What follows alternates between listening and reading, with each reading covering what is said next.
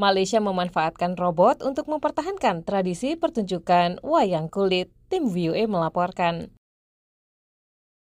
Di sebuah mal besar di Pulau Penang, Malaysia, sejumlah pengunjung terlihat berhenti mengamati sebuah kios darurat yang menampilkan sejumlah bayangan hitam yang bergerak dan terlihat menari di layar putih. Apa yang disaksikan mereka sebetulnya pertunjukan wayang kulit. Namun berbeda dengan versi tradisionalnya, pertunjukan itu ditampilkan dengan bantuan robot.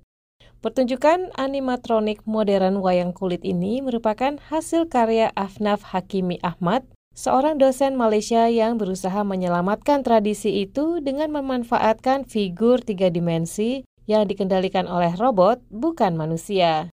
Most of the teens and youths today lean more towards social media and television Sebagian besar remaja dan orang muda saat ini lebih condong ke media sosial dan program televisi.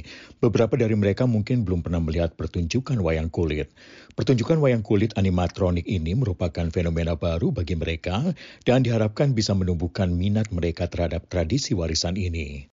Melestarikan kebudayaan wayang kulit tidak mudah di negara yang mayoritas penduduknya muslim ini. Apalagi banyak kritik yang menyebutkan bahwa cerita-cerita dan karakter-karakternya tidak islami.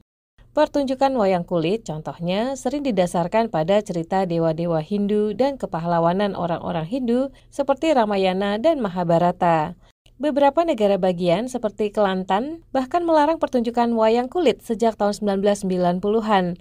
Walhasil, kelompok-kelompok pertunjukan wayang kulit yang aktif di Malaysia kini telah menyusut drastis menjadi sekitar delapan. Untuk bisa menjangkau orang-orang muda, Ahmad mengaku memberi sentuhan modern pada pertunjukannya dan bahkan mengadaptasi cerita-ceritanya agar lebih kekinian. Itu wayang kulit.